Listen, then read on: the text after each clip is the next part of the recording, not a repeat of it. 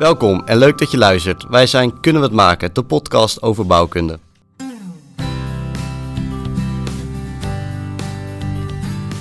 En ik heb heel lang gezocht uh, naar sustainability. Wat betekent dat woord? Hè? Dat,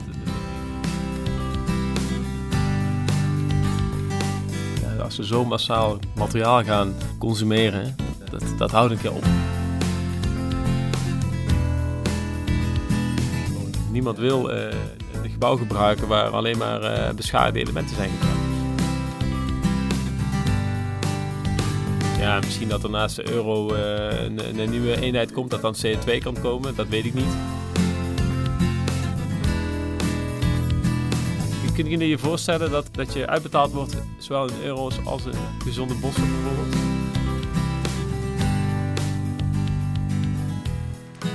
Ja, de vorige aflevering was met uh, Isan Bal en we hebben het gehad over aardbevingen. Een bijzondere internationale gast en daarom was het ook Engelstalig en Mees was een keer de host. Uh, maar deze aflevering zullen we weer gewoon in het Nederlands doen. Uh, ja, ik heb het geluisterd, Joey. Ik vond het erg interessant. Wat vind jij ervan? Nou, ik vond het uh, tijdens de opname zelf uh, super interessant. Natuurlijk aardbevingen, we hebben het allemaal meegekregen in Groningen en dat soort dingen. Maar om dan een professional het over hebben en over te praten, over wat gebeurt in Groningen, maar ook in Turkije, was ja. super interessant. En eigenlijk zou ik nog een keer met hem willen spreken. Ja, want die man weet echt alles hij over weet zoveel. Turkije. Hij, weet, hij kon zoveel vertellen, dat was echt ja. fantastisch. Ah, echt leuk. Ja, het is altijd jammer dat het maar een uur duurt, want meestal ja, dat gaat zo'n precies, uur heel ja. snel voorbij inderdaad. Nou ja, deze aflevering uh, weer wat anders. Uh, we behandelen een breed scala aan onderwerpen en daarom deze aflevering dus weer wat anders.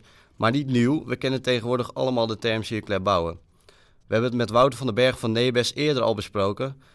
En toen hebben we het gehad over hergebruik van materialen en daar gaan we weer mooi mee verder. In een tijd waarin we ons steeds meer bewust worden van onze impact op onze planeet, gaat het steeds meer over duurzaamheid. Ook in de bouwwereld. Een van de grootste consumenten en vervuilers van onze planeet. Hier is ook steeds meer aandacht voor. We kunnen er niet meer omheen. We zijn bezig met een transitie naar een duurzame toekomst, onder andere door circulair te bouwen. Dat gaan we vandaag bespreken met Thijs Huismans. Welkom Thijs. Dankjewel. Ja, je bent projectmanager duurzaamheid bij Heijmans en daar ook adviseur op het gebied van circulair bouwen geweest. Um, verder ben je uh, betrokken geweest bij Bouw met Staal op het gebied van duurzaamheid. En je hebt hier dezelfde master als wij gevolgd. Dat klopt. Um, ja, hoe was dat? Uh, je studententijd hier in Eindhoven? Ja, super. Ja, we hadden het net al over hè, bij, de, bij de binnenkomst zelf. Je wel of niet op kamers woont. En uh, dat het ziet toch wel bij de huidige generatie studenten dat dat toch wat moeilijker is dan vroeger. Uh, maar dat was wel een hele bewuste voor mij om in ieder geval op kamers te gaan. Op dag één. Ja. Een goede vriend van mij. En uh, ja, ik heb wel alles uit de studententijd gehaald wat er uit te halen valt. ik heb ook acht jaar rondgelopen hier. Um, Oké. Okay. ik heb bij DV gewerkt en een van mijn inspirerende collega's was Matthew Vola. Die is nou directeur bij Arab. Oké. Okay. Die, die zei vroeger al ook al van nou, een echte goede constructeur die uh, doet minimaal acht jaar op de studie. Die hebben we nog op ons lijst staan overigens. dus uh, uh, die moet je zeker uitnodigen. Oké. Okay. Nou, ja. Okay. Um, nee, ik ben heel actief geweest bij een sportvereniging. Ik heb gehockeyd hier. Okay. Actief bij Geops en bij, bij Koers geweest. Um, leuke, leuke actieve vriendenclub om me heen hier. en daar kijk ik nog altijd heel echt leuk naar terug. Um, maar ik ben op een gegeven moment ook uh, erg gefascineerd geraakt door wat er in de wereld gebeurt. Oh, ja. En uh, Mhm. door op kamers te gaan en een andere setting te, Mhm. te, te komen, um, uh, zie je ook veel meer van de wereld. Je kijkt even het hoekje om en dat inspireert je. En ik ben, in 2000 hebben we een studiereis georganiseerd met Geops naar Beijing. Oké. Uh, Oh, in ja. China. En uh, dat was voor mij uh, echt wel een enorme happening en ervaring. Ook, ook niet alleen dat je ver weg gaat in een andere cultuur, maar ook op dat moment zo'n land die echt aan de, aan de, aan de, aan de, aan de, aan de start staat Ja. Ja. om, om een, eh, een, een wereldpower, een wereldmacht te worden. Ja. En uh, ik kwam terug en ik zei, ik moet een keer terug. Ik moet een keer terug naar China. En uh, toen was Faas Moorne, die loopt nog steeds rond hier. Ja, dat, zeker. ja. Die, uh, wel. die heeft vroeger bij een ingenieursbureau DFV gewerkt, voordat hij op de op TU kwam lesgeven. En uh, hij ging mee naar Beijing, dus ik had het met hem erover gezegd, dan moet je DFV bellen. En uh, nou, via via wat gesprekken gevoerd met DFV, ze hadden net de DRBN overgenomen. Dat was een constructeursbureau uit Amsterdam-Rotterdam. Die maakte allerlei uh, hoogbouwprojecten in de jaren negentig. en, en die hadden ze net overgenomen. Dus ik had een, een, ja, een internationaal ingenieursbureau plus een, een kick-ass constructiebureau. Ja, de, de gouden match. En die hebben gezamenlijk met, met John Kraus, toen de tijd de directeur, en, eh, en DV, hebben een stage geregeld in Shanghai. En dat ging over duurzaamheid. Oké. En eh, daar is dat eh, zaadje geplant. Dus, dus Daar begon naast een heel actief studentenleven ben ik ook heel erg eh, ja, bezield geraakt van het thema duurzaamheid. En ik was echt de enige hier op de TU die daar in die tijd mee bezig was. Oké, ja, dat één, één, één eh, jaargenoot die met energie bezig was. Ja. Maar voor de rest was het niet echt een, eh, een thema wat veel voorkwam. Nou, dat is volledig veranderd. Dat kan ik wel vertellen. Zeker, Ja, zeker. Ja, ja. zeker. Die Ook reizen, in de wij gaan ook eh, deze zomer naar de Zuid-Korea. Dus eh, ja, een beetje in de buurt. Misschien zijn er ook weer mensen die daar geïnspireerd raken. Want, Ja, precies. want jij werd dus echt geïnspireerd door wat in China daar gebeurde. Ja, ja. Maar Ja. wat was dat dan in China? Nou, misschien wel even leuk om te vertellen eh, wie ik verder ben. Hè? Want ik, Ja. ik, eh, ik vond vroeger wel wiskunde leuk en, eh, en eh, geometrie. en mechanica lag me goed. Dus het was mij vrij logisch om naar constant ontwerp te gaan. Ik was op het begin eh, één dag wel gefascineerd van alle mensen om me heen. Ook wel vrienden die voor vastgoed kiezen, omdat je daar gewoon een dikke knaker kon verdienen. Ja, precies. Maar Ik heb heel bewust, heel bewust gekozen van nou, blijf bij jezelf. Wat vind je leuk om te doen? En ik, ik merk dat dat de beste keuze ooit geweest is door met beton en staal aan de slag te gaan. Want uiteindelijk heeft dat in mijn carrière is heel bepalend geweest, ook over duurzaamheid. Want het zijn natuurlijk de meest vervuilende materialen. Ja, ja. En, eh, eh, maar ook het vak constructief ontwerp is hartstikke mooi. Eh, je, je, je zoekt bij complexiteiten altijd de, de rode lijn. Hè, wat is nou de, de, de hardlijn? Wat is nou symmetrie? eh, de, de, de kern van het probleem. En ook Ja. een, een niet-technische problemen is dat een hele fijne aanpak. Door altijd even grof van grof naar fijn te werken. Wat, wat is nu echt de, de hoofdzaak en wat is bijzaken? Nou, als constructeur word je aan deze opleiding eh, mee opgeleid. En dat is altijd heel prettig. Ehm, maar, eh, maar je vroeg dus, wat, wat heb ik daar Ja. nou in Shanghai geleerd? ja. Naast mijn technische skills eh, vind ik altijd fijn om onder mensen te zijn. En ik kan goed communiceren. Ik vind het leuk om mensen om me heen te hebben. En eh, niet alle eh, studenten op een TU hebben die skills. Die zijn af en toe wat introverter. Ja, klopt. En in Shanghai heb ik één week eh, als, als, als, als techneut in een, eh, in een boek gelezen van hoe ontwerpen ze hier constructies. En eh, de 4,5 eh andere of de 4,5 maanden daarna ben ik alleen maar op pad geweest. Ik heb gezegd, nou eh, tegen DV ook leuk dat kantoor, maar ik ga alleen maar naar buiten toe. Zonder van mijn tijd om binnen te zitten. En ik heb daar alles gezien. Ik ben bij bouwbedrijven geweest, bij staalbedrijven, eh, architecten, universiteiten. Ik heb in een, in een eh, toren geweest, een aanbouw van 200 meter hoog in een okay. Oh, wow. liftje. Heel Oh. vet. Ik denk van, als ik hier naar beneden val, wat zal mijn familie daarvan vinden? Precies. eh, Eh, geen hoogtevrees hebben. Ja, en, eh, en ik heb heel lang gezocht eh, naar de sustainability. Wat betekent dat woord? Hè? Dat, dat heeft geen Nederlands, Nederlandse, Nederlandse vertaal, vertaling. En eh, dat is in die, in die ze- zes eh, maanden dat ik er was, is dat gewoon eh, duidelijk geworden. En we hadden toen Kyoto-protocol. Dat was, nu heb je Parijs-akkoord, toen had je Kyoto. Waar we in ieder geval als wereld gezegd hebben van we hebben een CO2-probleem. En ja, toen dacht ik, liep daar rond en ik zie, ik zie al dat materiaal gebruiken. En ook een hele domme manier om erin te zetten. Van kilometers lange wegen met alleen maar betonnen appartementencomplexen. Ja. Waar nu niet eens mensen gaan wonen. Echt een staatsinvestering. Denk, als we zo massaal materiaal gaan consumeren, dat, Ja. dat, dat houdt een keer op. Dat Ja. kan niet anders. Dus daar juist eh, die extreme vorm van materiaalgebruik, dat triggerde jou. Ja, zeker. er En, en toen de tijd, je hebt dat af en toe eh, in, in periodes zijn, dan wordt zo'n stad eh, genoemd de grootste bouwplaats van de wereld. Nou, in Mhm. 2003 toen ik ging, was dat Shanghai. Daar stonden Ja. echt van de, van de tien grootste bouwkranen, stonden er zo'n vijf of zes stonden in die stad, wereldwijd. Ja, en dat, als je dat, als, als individu meemaakt, eh, dat was, was, heel, was heel fascinerend. Ja. Ja. En eh, het heeft me ook nooit meer losgelaten. Dus ik heb dag in dag ging werken, stond duurzaamheid eh, bovenaan. En Ja. probeerde ik altijd daar de goede keuze in te maken. Maar nu in Nederland, toch? Ja, nu in Nederland, ja. ja, ja. En ik heb dus elf jaar bij Hasco DV gewerkt, zeven jaar als constructeur, daarna als projectmanager. Ik, heb, ik dat vak weggelegd. En ehm, eh, daar ook veel internationale projecten gedaan. Uh, werkte bij DV veel aan vliegveldprojecten met. NACO, een dochter eh, van, eh, van DV. Dus veel terminals ontworpen, samen ook met internationale architecten. Maar echt het rekenwerk of het ontwerpen meer? Of eh, misschien Beide. projectmanager? Nee, eh, eh, ontwerpen en eh, rekenen. Oké. En, eh, ik merkte wel dat ik het ontwerpen leuker vind en het interactie met de architect. Ja. En, Ja. eh, ik, werd, eh, ik werd niet altijd even blij van eh, alleen maar eh De nummers. Timo- eh, Timoshenko over te schrijven. ah ja, precies. Dat, eh, dat, dat niet. En, ehm, eh, en ik was vrij snel ook wel eh, verantwoordelijk voor budget, eh, projectleiding in, in dat constructieve vak.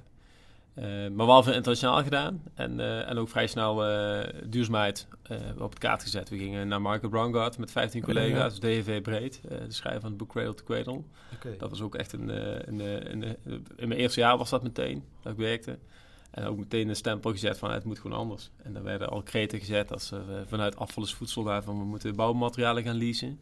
En we moeten op een heel andere manier dat ecosysteem van die materiaalstromen in kaart brengen. Ja, dat hadden we toen al met een aantal collega's opgeschreven en eh, gepubliceerd. En dan waren we echt de tijd ver vooruit. Want dat is nu 15 jaar later, 16 jaar later, is dat nu, Ja, ja. begint dat langzaam begint dat langzaam te komen. En, eh, maar we hadden toen die, die mogelijkheid, eh, ook zeker met een baas als John Kraus, dat was de oude baas van D3BN. Dat is echt een visionair eh, en een lekkere eigenwijze donder, hè, die, die, die, eh, die gewoon zijn eigen plan voerde. Maar dat is wel heel inspirerend dat dat mag. Je mag buiten lijntjes kleuren. Ja, En ja. je mag rare dingen doen. Je mag nieuwsgierig zijn en naïef blijven. Dat mag gewoon. En En dat, op die dat, manier, eh, dat verleven we af en toe een beetje. op die manier stonden jullie echt aan de, aan de start eigenlijk van... Ja, van die materiaaltransitie. hè. Ja, we hebben natuurlijk Ja. een energietransitie met duurzaamheid. En daar werd die materiaaltransitie eh, in gang gebracht. En Cradle to Cradle is ook de inspiratiebron geweest van de circulaire economie. Ehm, alleen bij Haskong DV, eh, ik merkte zo, hè, want je, eh, je waren benieuwd waarom stop je dan met zo'n vak als constructeur. Ja, Ja, op een precies. gegeven Ja, moment, waarom... op een gegeven moment was mijn duurzaamheidsdrang veel groter dan de drang om te engineeren. Oké, En, en eh, je, eh, je, hebt, je hebt bepaalde tooling om ook als ingenieur en als constructeur eh, impact te maken. Maar de opgave van de materiaaltransitie was veel groter dan dat. en En, dus- en wat ik merkte, ik had heel veel lol om met aannemers en, en leveranciers samen te schakelen. ja, ja. En, en daar was ook het kwartje gevallen bij, bij DV. Later werd dat Haskoning DV. Van ja, de, de grootste impact maak ik niet hier bij een adviesbureau. De grootste impact maak je dicht bij de materiaalstromen. ja. Dus toen zat al in mijn hoofd van nou, als ik echt impact wil maken, dan moet ik echt wel bij de aannemer gaan zitten. Ja, we bent er dan daarna bij een, wou je bij een aannemer gaan werken. Is dat meteen Heijmans geworden? Of? Nou, dat is wel een leuk verhaal. Ik werkte bij DV. Dat ging Ja. in 2012 fuseren met Haskoning. Ehm eh, DV had eh, best wel relatief veel mensen uit Eindhoven. Eh, een vrij innovatieve club. Haskoning had Korsmit overgenomen, ook een constructeursbureau uit Rijswijk. Vol met mensen uit Delft. En daar zag je wel Oh, een, cultuurverschil. En eh eh, de mensen van Korsmit, van Haskoning, die kregen ook v- vrij snel het hele management van de constructeursclub en de fusiebedrijf onder zich. Ja, dat, dat was ook een beetje een eh, technocratisering van de afdeling. Oké. En dan had ik zoiets van, ah, volgens mij moet ik als ik hier eh, door wil blijven weer helemaal terug eh, en even de, de, de, de- in op de techniek in. En eh, ik had daar geen klik mee. En, eh, en, precies. en toen had ik een hele leuke klik met, eh, met een nieuwe projectmanager, of een afdelingshoofd van projectmanagement. En die zei van, nou, ik kan wel wat mensen met zoals jij gebruiken die wat frisser tegen materie aankijken, duurzaamheid kunnen meenemen. Toen heb ik vier jaar als projectmanager gewerkt en dat ging alle kanten op. Dus ik, ik deed wat contractmanagement voor eh, het aardbevingssysteem, waar onze constructeurs mee bezig waren. Ik zat in allerlei hele aparte tenders wereldwijd, waar DV voor gevraagd, hartstikke DV voor gevraagd was. Eh, met met de UN Studio een, een tender gedaan voor eh, een nieuwe jachthavengebouw voor de emir in Qatar. En een of andere eh, eh, fancy, eh, eh, maar wel heel duurzame planontwikkeling bij het vliegveld in Delhi. Hm. En daar werd ik dan voor gevraagd van, nou, we weten echt niet wat we hiermee moeten. Kom bij mij terecht. Oké. Eh, en, ik, en ik had gewoon als projectmanager een projecten lopen die ik moest managen. Dus ik deed op- van allerlei facetten. We hadden nog met Sassan Jansma een, eh een airdome bedacht. Voor, eh, ook voor het WK in Qatar, waar je, waar je in kon trainen. Want eh, daar komen daar bij dat WK eh, allemaal mensen aan het stadion. Maar je hebt ook nog 36 training eh, venues nodig in die hitte. Dus we hadden een airdome gemaakt met een dubbele laag en een spouw ertussen die tegen de zon aankon. Dus je passief kon koelen. Dus ik deed allemaal hele gekke dingen. Maar voor mezelf had ik zoiets, ja, ik zit nu op, op tien richtingen te ontwikkelen. Ja, ja. Ik kom niet vooruit hier. En toen belde Heijmans op of ik geen projectmanager wilde worden bij, eh bij Heijmans. Eh, ja, ja gezegd, want ik wist van dit is een mooie ingang om daar iets met, eh met circulariteit te doen. ja.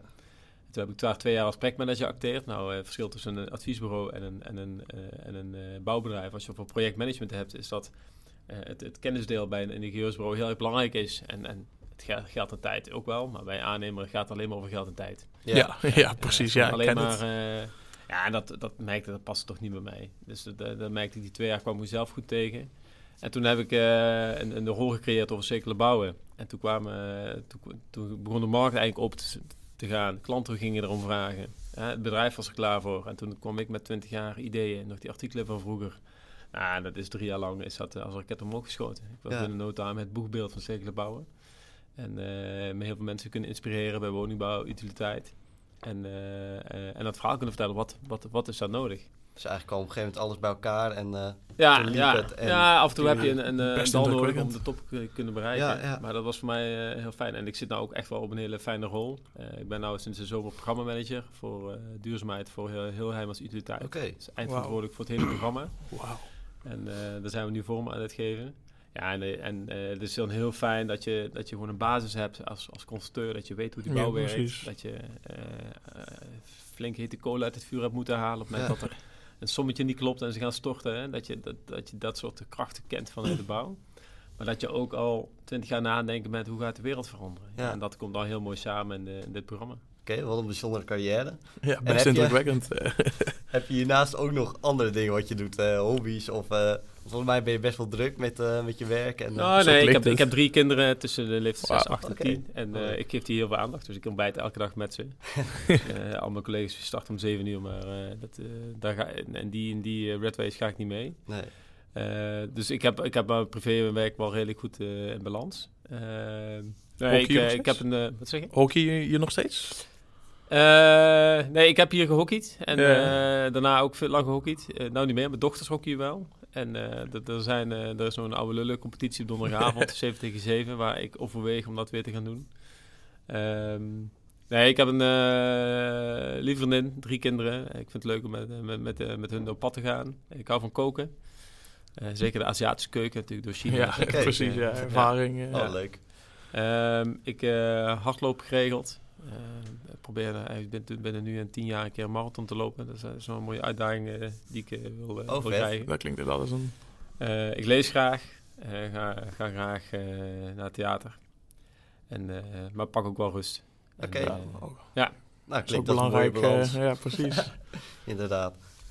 Oké, nou laten we maar doorgaan naar het eh, volgende kopje, het vraagvuur, waarbij wij ja, bepaalde stellingen, vragen eh, opnoemen. En de bedoeling is dat je daar eh, kort en een gesloten antwoord op geeft. Eh, Eh, waar of niet waar? waar of niet waar. En daar Ja, kunnen we later nee. nog op ik vind terugkomen. het heel moeilijk om eh, met één woord Ja, antwoord te geven. Dat vindt iedereen altijd. altijd... eh, Dus Dat, ja, probeer maar.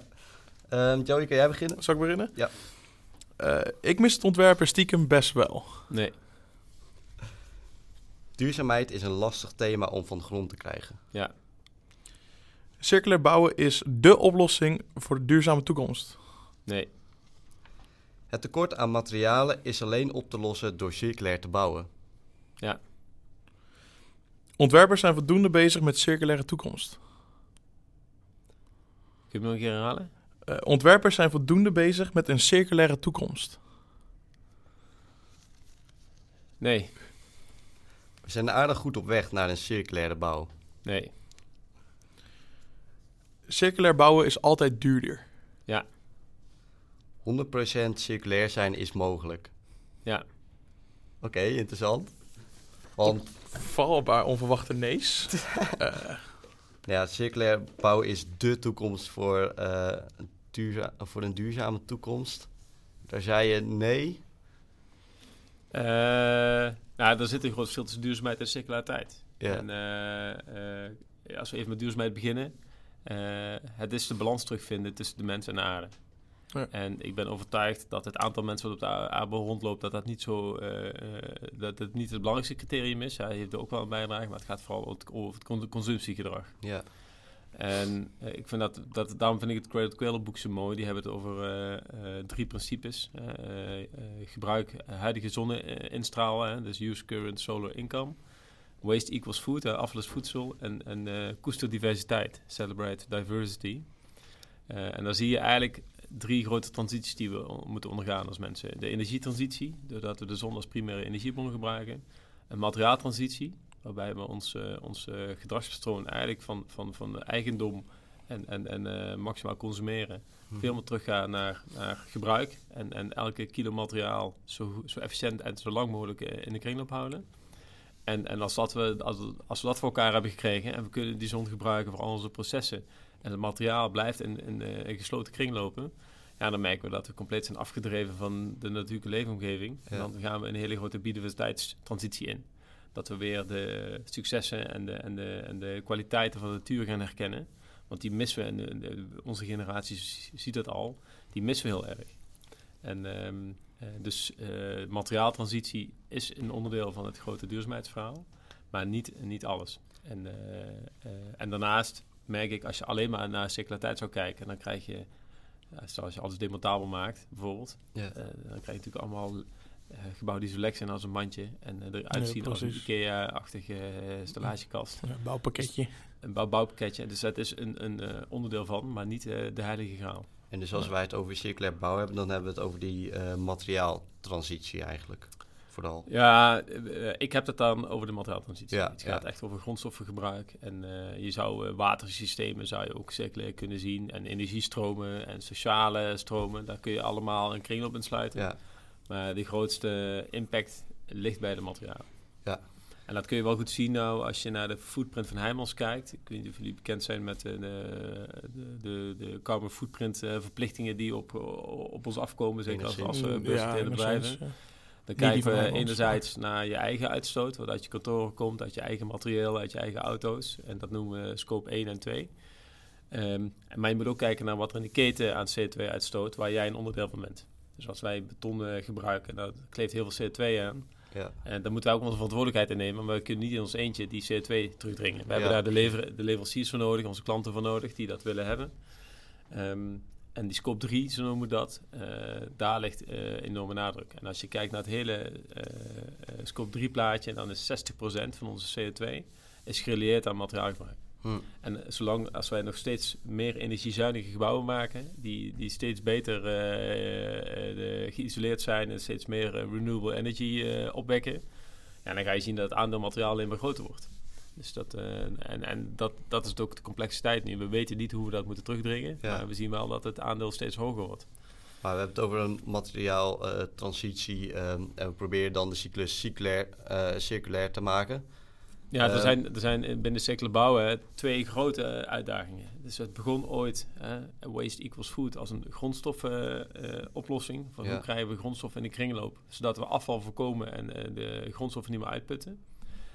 Maar inmiddels zijn we ingehaald, door met name door klimaatverandering, dat die Ja. materialen ook een groot aandeel hebben in de milieulast. Ja, Dus we spelen twee spelletjes met circulair bouwen. En we, we zien steeds vaker dat, dat die, die, die drang om grondstof in de kringloop te houden... wordt verschoven naar de drang om CO2 terug te dringen. En dat zie je eh, onder andere bij eh eh, transitieteam circulaire bouweconomie. Dat, dat is onderdeel van het grondstoffenakkoord. ehm, wat in 2050 streeft naar geen primaire grondstoffen meer gebruiken. En eh, dat transitieteam voor de bouw, dat wordt voorgezeten door Vincent Grijs. En, en, en de laatste jaren zie je daar ook een trend. Dat ze begonnen met, we gaan het aandeel primaire grondstoffen terugdringen. Naar, nee, we gaan eigenlijk gewoon streven dat de MKI of de MPG-score zo laag mogelijk is. ja, ja. Eh, dus die trend, eh, die trend is gaande. ja, want een MPG-score kan je naar beneden halen wanneer je niet circulair bent. Want je past hout toe bijvoorbeeld en dat hout breek je dan af. Nou ja, je slaat CO2 op. Ja, Dus nee, maar je moet wel beseffen, kijk, eh, minder als je je grondstof in de kringloop houdt, tuurlijk heeft dat ook een CO2-effect. Ja, Maar het gaat wel om wat is het einddoel. Ja, En, eh, ja. eh, dus buiten het feit dat je bijvoorbeeld bij dat transitieteam ziet dat, dat, dat het de nadruk nu naar CO2 gaat eh, lopen, zie je die discussie ook tussen hout en beton gaan. Hè? Dus Ja. beton die richt zich heel erg op die grondstofuitdaging. Van hey, ons beton dat blijft 200 jaar mee, dus we mogen onze, onze footprint uit, uitsmeren over 200 jaar. Ja. Dus we zijn supergoed. Onze scores zijn heel laag op MKI-niveau. Terwijl de houtbusiness zegt, ja Malou, ja, als je puur kijkt naar nu naar CO2, eh, dan is, eh, is hout veel beter. Want Ja. we nemen CO2 op en cement eh, eh, imiteert CO2. En, en, maar ze spelen twee compleet verschillende spellen. Ja. De houtbusiness die speelt eh, in, in, in, in, in het voetbal, of in, in, in, in een spelletje met CO2, terwijl eh, eh, beton dus zit in een, in een circulair spelletje. En dat waar- is vrij lastig. En waar zit jij binnen dat spel? Probeer je een beetje daar tussen Nou te blijven? eh, Van, we ja, hebben ze allebei keihard nodig, hè? Laten we wel wezen. ja, precies. Ja. Eh, wij gaan, we hebben 3% van de, de, de huidige bouwomvang aan materialen is biobased. Nou ja, eh, dat we dan naar 10 of 20% gaan trekken de komende jaren, dat zou een mooie uitdaging zijn. Hè? Dat we beton vervangen voor hout. En dat doen we nou wel met onze eh, woningen bijvoorbeeld. We hebben een eigen fabriek gebouwd in Heerenveen, waar we nu eh, sinds dit jaar houten woningen produceren. Oké. Kant en klaar. Kan er klaar, ja. Echt. IKEA-style. Eh, dus eh, daar zie je dat daar een enorme winst aan behalen valt.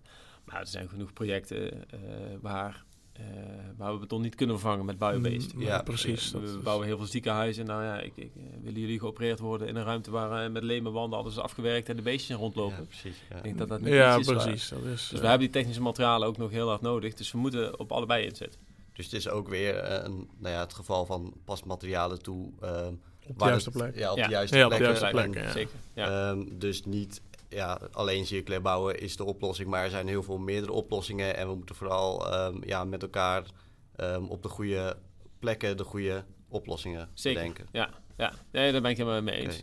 En eh, wat, ik, wat ik hier echt geleerd heb, is eh, dus buiten dat materiaalniveau ook eh, de gebouwconfiguratie veel scherper beetpakken. dit, dit kwartaal, of eigenlijk in oktober, is John Haarbraken overleden.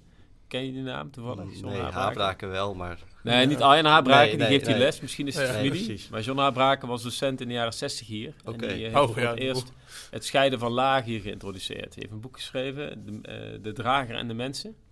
Uit de jaren 70 volgens mij. Is een must-read voor alle studenten. oké. Maar die eigenlijk reageert op de massale woningbouw. Hè? Wat we, dat we van, vanuit de jaren 30, waar we echt wel hele mooie jaren 30 woningen ontwierpen. Nog eh, veel vakmanschap. Zag je na de oorlog heel veel eh, massale woningbouw, fabrieksmatig. En hij ageerde daartegen dat de link met de gebruikers wegviel. En wat hij met zijn boek heeft bewerkstelligd, is dat je gaat denken in lagen. Eh, en, en Stuart Brand heeft met zijn boek How Buildings Learn, eh, heeft hij dat verder gebracht met het 6S-model. En dat 6S-model wordt nou heel veel in de circulaire bouw gebruikt als basis van... Zorg nou dat al die verschillende lagen, de structure, de skin, de service, de space plan, dat die los van elkaar kunnen bewegen en die kunnen veranderen. Dus op het moment dat jij een aanpassing wil in jouw, eh, in jouw eh, ruimtelijke indeling, zorg dan dat de constructie niet aangetast wordt, want anders moet je ook heel veel constructiemateriaal gaan afbreken. Is En, dat eh, dan ook het antwoord van hoe bouwen we circulair? Namelijk gewoon al die dingen gescheiden hou- houden, zoveel mogelijk. Ja, zie je een gebouw als een machine met allemaal verschillende lagen, met verschillende levensduren. En je maakt vaak met, Ja, eh, als een ui, ja, er zitten ook allemaal verschillende lagen in. Ja, Dat eh, noemt uh, Stuart Brand pace layering. Eh, dus dus eh, elke laag heeft zijn eigen snelheid en respecteer die snelheid.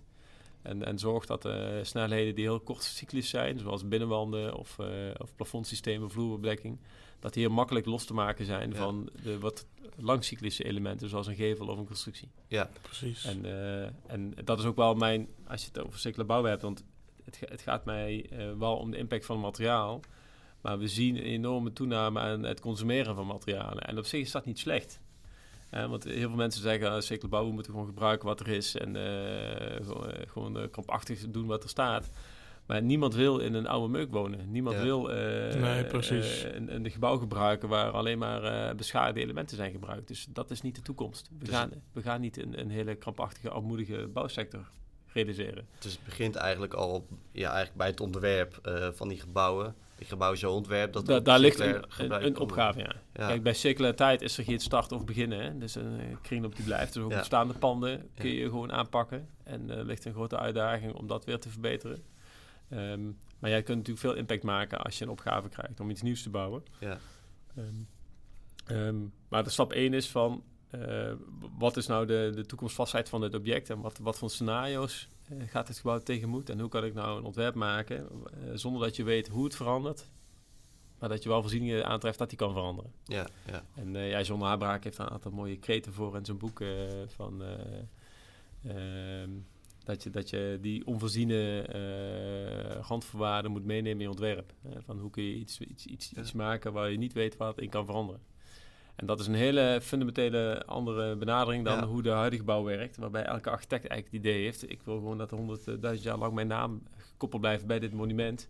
ja en dat precies. iedereen mij over honderd jaar nog adoreert. Dat, Ja. is, dat is hoe een architect... eh, de- althans, de, het vak nu wordt gezien. Of Ja. toen ik ging studeren, meer dan de helft van de studenten denk ik, ze willen architect worden. Ja, dat, dat, eh, dat klinkt correct. Ja. En dat dat, ik- dat zal eh, misschien nog steeds zo zijn. Ja, eh, omdat ja. er gewoon een, een, een bepaalde, bepaalde ego rondom die... eh, ik, ik, ik disqualificeer niet de architecten die nu werken, want ik werk met fantastische architecten samen. Ja, Maar dat is wel het beeld wat bij die, bij de, bij de, bij die titel hoort. ja, En dat is daar, moeten we vanaf. Dus ik geloof ook veel meer in een IKEA-wise bouwen van objecten... die zich continu kunnen aanpassen en kunnen verbeteren. Eh, en waarom? Omdat ik geloof dat die materiaalstromen goed zijn. Dus het is goed dat materialen van A naar B stromen. We moeten alleen de condities veranderen... dat eh, die materiaalstromen eh, gezond zijn... dat ze niet belast zijn voor de CO2, dat ze geen afval creëren. En als je dat met elkaar kan bewerkstelligen, en dat is wat Cradle to Cradle ook nastreeft, ja, dan is het niet erg dat, er, dat, dat ik een binnenwand eruit haal en die aan jou geef omdat jij nodig hebt. Want Ja, het stimuleert precies. wel jouw leven en mijn leven. Ja, ja. Dus dat is, een, ja, dat is best wel een interessante visie op het ontwerp dan, eh, naar de toekomst toe ook. Ehm, maar we hebben natuurlijk ook een andere kant van circulair bouwen, namelijk gebouwen die er al staan en die ook weer, nou, die niet zo ontworpen zijn met die visie, maar die wel hergebruikt moeten worden om eh, daadwerkelijk die bouw 100% circulair te maken. Ja, Ehm, wat is daar een soort van ehm, visieverandering die in de bouw moet komen om ook die bestaande gebouwen in die eh, cyclus te laten Ja. fungeren? Eh, stap 1 is, hè, de, eh, ik, vind, ik vind dat de rol van de constructeur eh, enorm is eh, ge- ondergewaardeerd in, in Nederland. Eh, zeker als je naar Duitsland kijkt, heeft de ingenieur eh, al iets hogere status dan in Nederland. Terwijl als je voor bestaande gebouwen kijkt, is het altijd de constructie die bepalend is voor Ja. wat ermee gebeurt. Dus enerzijds is het een oproep voor de bouwwereld daarvan, respecteer die constructeur een keer als, als, als een enorm belangrijke pion in jouw traject. Maar anderzijds ook wel een opgave voor de constructeur zelf. Van weet wat voor impact jij hebt op lange termijn. Hè? En, en eh, eh, daag jezelf uit om niet blind te staren. Wat vraagt die opdrachtgever nu? Wat, wat die nu voor een gebouw moet hebben. Maar ook wat, ja, what happens after they are built. Hè? Dat is het Ja. boek van Stuart Brand, How Buildings Learn. Wat gebeurt er met mijn constructie op het moment dat die opdrachtgever er klaar mee is? En is het, want, want ja, met alle respect, beton en staal ontwerp je niet voor vijf jaar. Nee. Dat, dat, Ja. doe je, dat doe je voor 50 jaar. Sterker nog, dat is jullie uitgangspunt eh, als constructeur in je, in je sommetjes. Ja. Eh, ga dan niet blind staren op, op één eh, raar idee van een opdrachtgever of een architect, omdat hij dat nu wil hebben. En daar ligt een hele belangrijke uitdaging voor, eh, voor de constructeur. En dat Ja. zie je dus ook met, eh, met hergebruik. Op het moment dat je een pand inkomt, zie je meteen van, hey, hier kun je nog wat mee. En, ja, en dan zie je wel dat de trend is dat alles wat ouder is dan 50, van de jaren 50 vorig jaar, dat, daar zit altijd veel overmaat in, veel, veel, veel restcapaciteit. En dat zie je in eh, alles wat daarna in de jaren 70, 80 gemaakt is, zie je dat niet meer. Dus dan, dan heb je maar één keuze van, eh, dit moet gewoon gesloopt worden. Ja, En dat is, ja, en dat, dat geeft wel spanning. Een andere vraag die stelde van, is circulair bouwen duurder? Ja, het, het is duurder op dit moment. Ja, ja. hè? We concurreren Precies. tegen een lineaire economie die al, eh, al 100 jaar gratis grondstoffen uit de aarde trekt en enorm efficiënt is ingericht. Want Ja, iedereen doet, speelt een spelletje mee. Ja, dan ga jij aankomen van, ik ga andere materialen gebruiken of ik wil dingen hergebruiken. Ja, dan eh, zit, je, zit je in je eentje wat te pionieren. Ja, natuurlijk is dat duurder. ja, ik herinner me ook Ja. dat eh, we toen een podcast met uh, Nebus opgenomen met Wouter van den Berg, die heel erg met het hergebruik van materialen bezig is. Die zei toen ook van op dit moment is gewoon nog de harde euro leiden, maar eigenlijk de euro van, van die vervuiling, van, de, van, de, van die duurzaamheid, die moet ook hard. Ja, dat klopt. die moet Ja, de circulaire business case neemt eh, milieulast mee. Ja. Ja, dus als CO2 dadelijk eh 500 euro per ton kost, dan Ja. ga je zien dat het heel waardevol is om gewoon eh, eh, materialen uit gebouwen te mijnen. En dan wordt het zelfs aantrekkelijk om gewoon gebouwen te slopen. Niet omdat het niet meer nodig is, maar gewoon omdat je de materialen nodig hebt. Ja, Dat is natuurlijk wel de keerzijde. En anderzijds gaan we zien dat restwaarde een belangrijke rol gaat spelen. En dat geldt zeker voor materialen die al circulair ontworpen zijn. Dus eh, vrij eh, plug-and-play-achtig, demontabel, met kliksystemen. Ja, dan eh, ga je zien als je dat gewoon uit kan klikken... dat het nou eh, veel meer waard is dan, Ja. eh, dan het schroten wat, er- wat er nu uit gebouwen komt. Maar van belang is wel, en dat heeft te maken met, met die transitie... de lineaire economie financiert de circulaire economie. Hm. Ja, dus als we nu zouden zeggen, we kappen met z'n beton en we gaan alleen maar hout bouwen. Ja, dan, eh, dan, hebben, we lastig, dan hebben we geen economie meer over. nee, Ja, en dan heb je chaos. En ik weet niet naar corona, en dat is een chaos die wel een factor 10 of 100 erger is dan corona, of we dat als mensheid willen hebben. Dus dat is ook het, het lastige met duurzaamheid. ja, Hoe kun je met 10 miljard mensen eh, in alle rust en eh, met alle goede bedoelingen, maar wel eh, constructief veranderen. En op het moment dat je met de stekker uittrekt uit de oude economie, dan krijg je geen nieuwe economie. ja, is wel echt een transitie met Dat, dat is stappen. transitie, ja. ja. Ja. En dan kom ik wel even op mijn een andere vraag, hè, van is circulair bouwen nu de echte oplossing? Nou, kijk, het is, gaat om een gedragsverandering van mensen. En eh, dat, dat heb ik bij Hemmels ook geleerd, eh, waar bij woningbouw eh, de circulaire ambities hebben vertaald naar een score in een bepaalde meetlat. Ja, Terwijl 99% die meetlat van de mensen de meetlat niet begrijpen. ja, En ook niet weten wat ze moeten doen om, om die 10 te halen. Ja, dat was, vond ik zo'n onzin. Van waarom gaan we nou blind op zo'n meetmethode staan? En ja, blijkbaar vinden mensen het dan makkelijk dat het platgeslagen wordt. ja, Terwijl het, wat je wil is dat mensen die een baksteen vasthouden anders gaan denken. Ja. Van, hey, waar komt die vandaan? Waar gaat hij naartoe in de toekomst? En wat kan ik met mijn rol binnen dat hele project eh, en, en dat proces eh, nou aanpassen? Nou, ik denk dat wij dat als studenten best wel meemaken. Want jij net Ja. al van, ja, je was Heel een veel. van de enige die daarmee bezig was. Maar nu, Het is nu echt een heel centraal onderwerp. je hoort er alleen maar over Alleen maar. eigenlijk. Ja. Dus Nou, dat is CLT hartstikke... is ook de go-to materiaal met, ons, met, met projecten. Het, eh, ja, moeten Maar het verschil hè, tussen, tussen gedrag en, en, en die tooling, hè, je kan Ja. weten van, ehm, eh, dat, dat het beton beter is of slechter is dan hout bijvoorbeeld. Of je kan Ja, dat, eh, dat het ene materiaal een betere LCA-score heeft dan een ander. Eh, maar het gedrag vraagt van dat jij tegen je opdrachtgever durft te zeggen, weet je wat, ik vind het geen goed plan dat we dit materiaal Ja. gebruiken. Of dat je zegt van, weet je wat, ik maak twee aanbiedingen. Eentje die op prijs het beste is en eentje die op CO2 het beste scoort. ja. Dat is duurzaam Precies. gedrag. En dat, dat probeer ik nou binnen Heijmans verder voor elkaar te krijgen. En dat is eigenlijk veel belangrijker dan dat je in die end een 10 scoort op, die, op die meetlat. Ja, Ja, precies.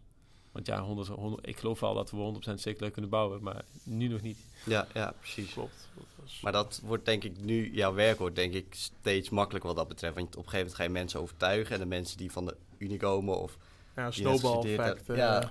die, die weten dat al. Dus die hoef je het niet te Ja, vertellen, ik- hoef je ja, niet te overtuigen. Dus ik denk dat het dat tweeledig is. Ja, nu, die, die, die tipping point is nu bereikt. Iedereen eh, vindt dat eh circulariteit belangrijk en we zien dat in. En eh, ik zie ook eh, een olievlekwerking. Hè? Dus we doen een aantal projecten circulair. En die mensen die dan op dat project zitten, ook zeker de mensen die buiten werken, die, die ervaren dat. En die nemen dat mee naar het volgende project. Als je een keer eh, heel overstaand eh, materiaal hebt hergebruikt of circulair beton hebt toegepast, ja, dan is, is de van waar- waarom doen we dat niet in het volgende project ook? Dus daarmee Ja, zie je ja. al een olievlek in werking gaan. Ehm, maar echt een eh, fundamentele verandering dat we op een hele andere manier onze gebouwen gaan gebruiken. Waarbij eh, ook de business case sluitend is. dat we, en dat voor materialen geldt, dat we dan stoppen met kiloknallers die fabriek uitknallen. Maar veel meer gaan kijken hoeveel functionaliteit kan ik uit elke kilogram krijgen. Dus kijken Ja. op verdienmodellen, op pay-per-use, as a service, dat soort achtige concepten. Ja, en dan ga je een hele andere eh, bouwsector krijgen. Waarbij Ja. je gewoon de, bouwse- de, de, de bouwpartijen, de aannemers, architecten gezamenlijk eigen, eigenaar blijven van de materialen. En puur alleen de, de functies verkopen voor de gebruikers die het nodig hebben. En dat je dan ook gewoon marktplaatsen krijgt. En dat je kan zien, hey, daar bij dat gebouw dan komt dit materiaal vrij. Kun je het al claimen.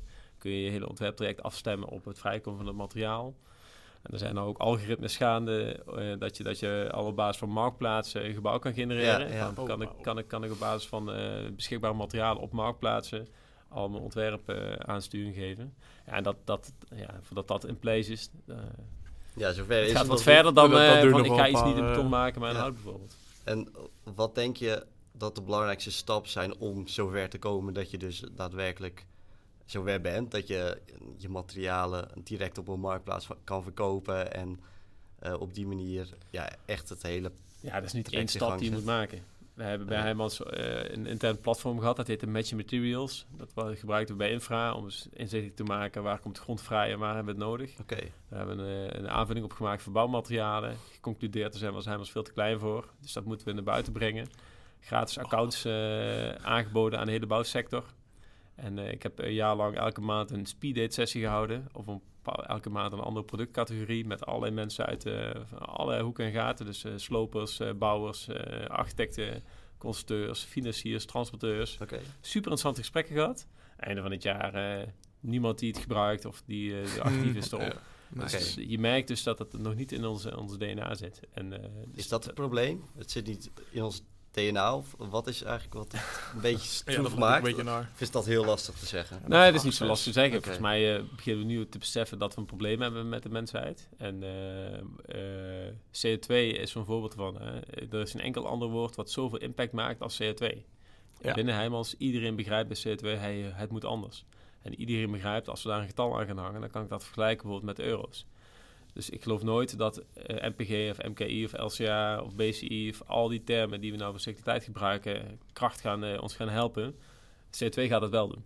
Want ik merk nu al, als ik CO2 noem, dan willen mensen veranderen. Precies. Dus je ziet nu al gedragsverandering gekoppeld aan de term CO2. Dus ik geloof ook dat naar de toekomst toe eh, ook het hele economische systeem misschien ook wel verrijkt wordt. Ja, misschien dat er naast de euro eh, een, een nieuwe eenheid komt dat dan CO2 kan komen. Dat weet ik niet. Ik geloof ook wel dat we, dat zeg ik net al, dat, dat, dat we die natuur veel meer gaan waarderen. Ehm, maar dat moeten we niet complex maken. Dat kunnen we niet. eh, dat kunnen we in ons hoofd als mens niet, eh, niet aan. Nee, nee.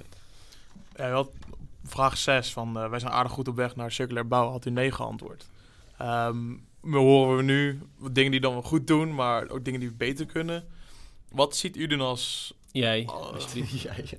Het slechte gewoonte? wat zie eh, jij dan als Ja, zeg maar, echt een puntje waar we aan kunnen werken? Wat ik net zei is, eh, wees nieuwsgierig, wees, wees naïef, blijf vragen stellen en ga niet eh, als, als, als massaproduct mee in die grote menigte. Precies. En ik, ik vind het af en toe heel schrijnend om te zien hoeveel ja, collega's gewoon denk ik gewoon met tegenzin naar hun werk gaan als ze iets van noodzakelijk kwaad om geld te verdienen. Eh, terwijl je toch eh, eh, de helft van de, tijd dat je wakker bent aan, aan de werkgever besteedt. Ja, laat het dan ook een leuke tijd zijn. En ehm, ik ben blij met de nieuwe generaties dat er veel meer openheid komt, veel meer kritiek. En zeker dat zie je echt wel verschillen met de oudere generaties, die veel meer uit de schoolbanken komen van nou, je moet dit doen en, en, en, en, en meer volgend en, en dienend. Ehm, maar gewoon eh, eh, een beetje naïef blijven en vragen stellen van is het wel, is, is het wel het slimste wat we moeten doen? En, eh, Ja. en dat altijd durven vragen met, aan elkaar. En dat, dat maakt het leven ook leuk. Ja. Als je nieuwsgierig bent, krijg je nieuwe dingen. Dat maakt elke, elke dag weer een, een verrassing, een feest. In plaats van elke dag weer datzelfde ding doen. En ook als consulteur kan dat. Ja. Dat is echt wel een, een advies die ik wil mee wil geven aan de nieuwe generatie. Ja. En de, die grap is dat als je kijkt naar How Buildings Learn, dat boek. Eh, dat is mijn bijbel voor circulair bouwen. hè, waar, dat heb ik al een paar keer genoemd. Ehm, en die Stuart Brand, dat is, dat is, ja, veel mensen kennen hem niet, maar die stond aan de, aan de, aan de, aan de, eh, aan de basis van Silicon Valley. Die zat in de jaren 70 al met een aantal WizKids te dromen over wat kan internet betekenen voor, eh, voor de wereld. In de jaren 70, toen hadden we nog helemaal geen internet. Ja. En, en die schrijft op een gegeven moment een boek voor de bouw, waarbij je die, die, die, eh, die toekomstvisie die die had ook op de bouw projecteert. En, ehm, en hij had toen ook een tijdschrift en dat stond altijd op Stay Hungry, Stay Foolish. Dat stond in zijn tijdschrift. En heel Silicon Valley, including, eh, of, ja, inclusief eh, Steve Jobs, gebruiken die kreet continu. Iedereen refereert eraan. Stay, stay Hungry, Stay Foolish, dat is iets van Steve Jobs. Maar dat is de, de Stuart Brand in de jaren 70 al opgeschreven. Ja, en dat vind ik zo'n mooie kreet. Eh, dat hebben we gewoon, gewoon nodig. Ja, en, ja. Laat je niet leiden door de grote massa. En, en een stap verder ook, en zeker in, in onze maatschappij in het Westen, geloof ik ook dat we eh, ons laten meedrijven met het consumentisme, met het geld verdienen. Dat dat het hoogste goed is. Ja. We hebben gezien aan alle kanten in Nederland. We hebben zoveel geld, we zijn zo rijk. En we worden echt niet gelukkiger op. Sterker nog, we worden er gewoon ongelukkiger van.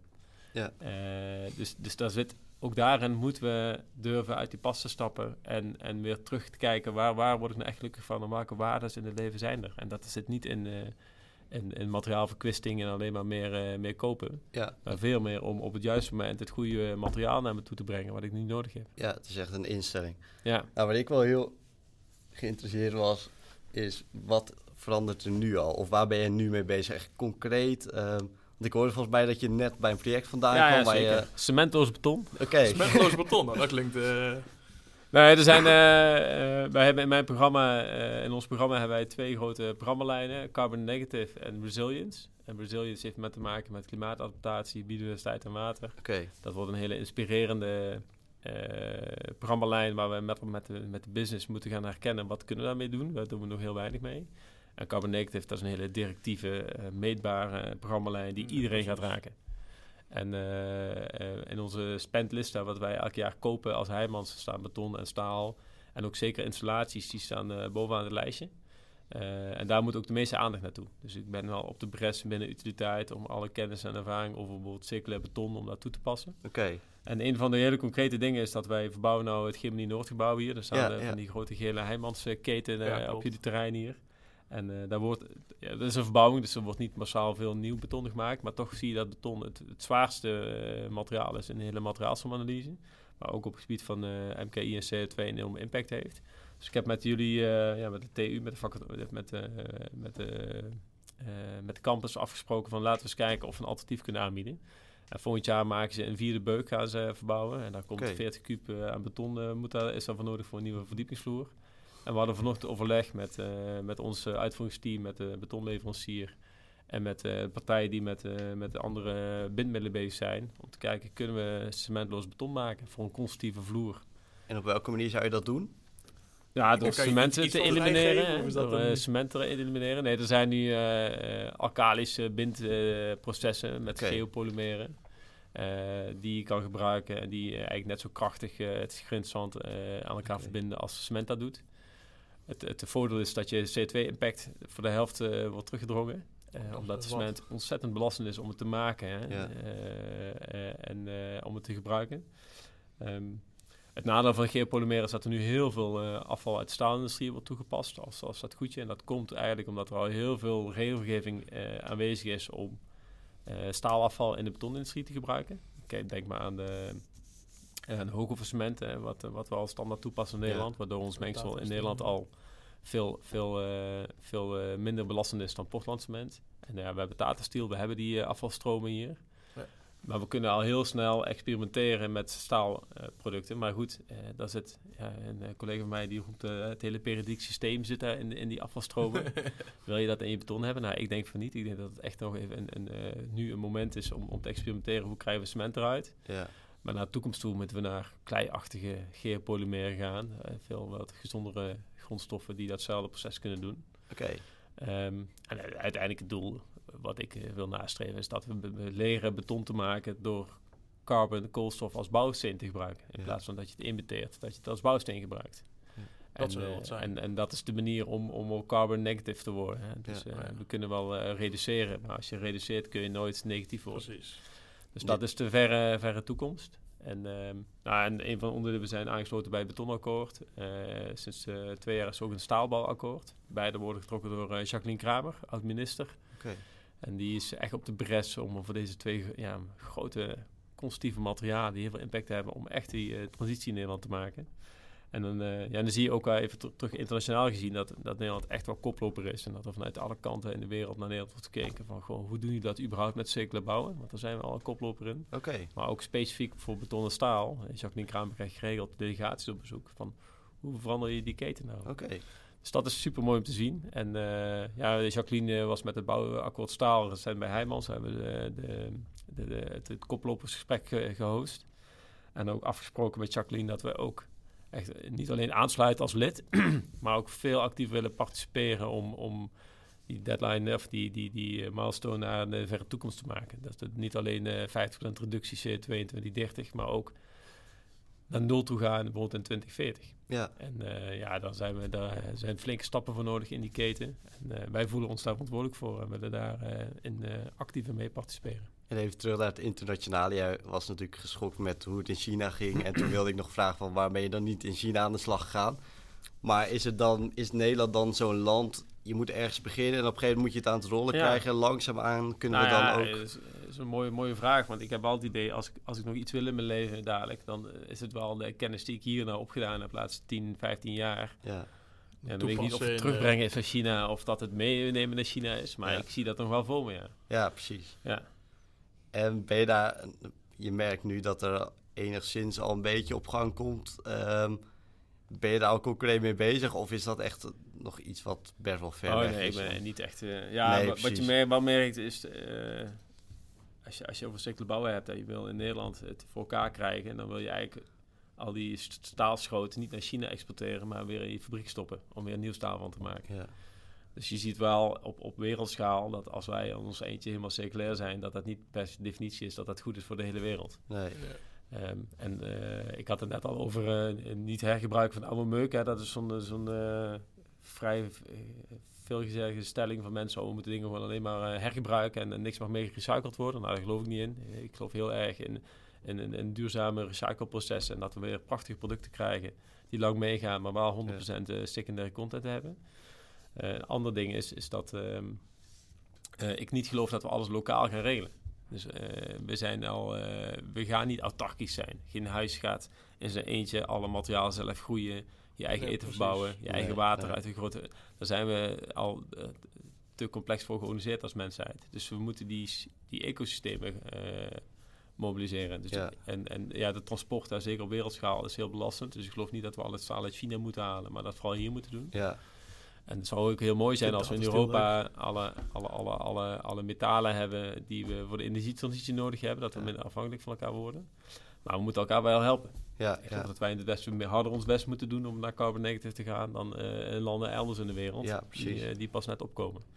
En Dat die misschien ook, waar het misschien wel weer ook lastiger is. Want die landen zijn vooral bezig met het ontwikkelen. En wij zijn Ja, natuurlijk precies. al Ja, ver ja, ja. ontwikkeld. En kunnen misschien ja, weer een stap verder Ja, zetten. er Maar is zij zijn... eh, Chinees die heeft ooit gezegd hè, van nou, jullie de eerste 200 gigaton CO2 hebben jullie geconsumeerd. De volgende 200 zijn voor ons. ja, dat precies, soort- ja.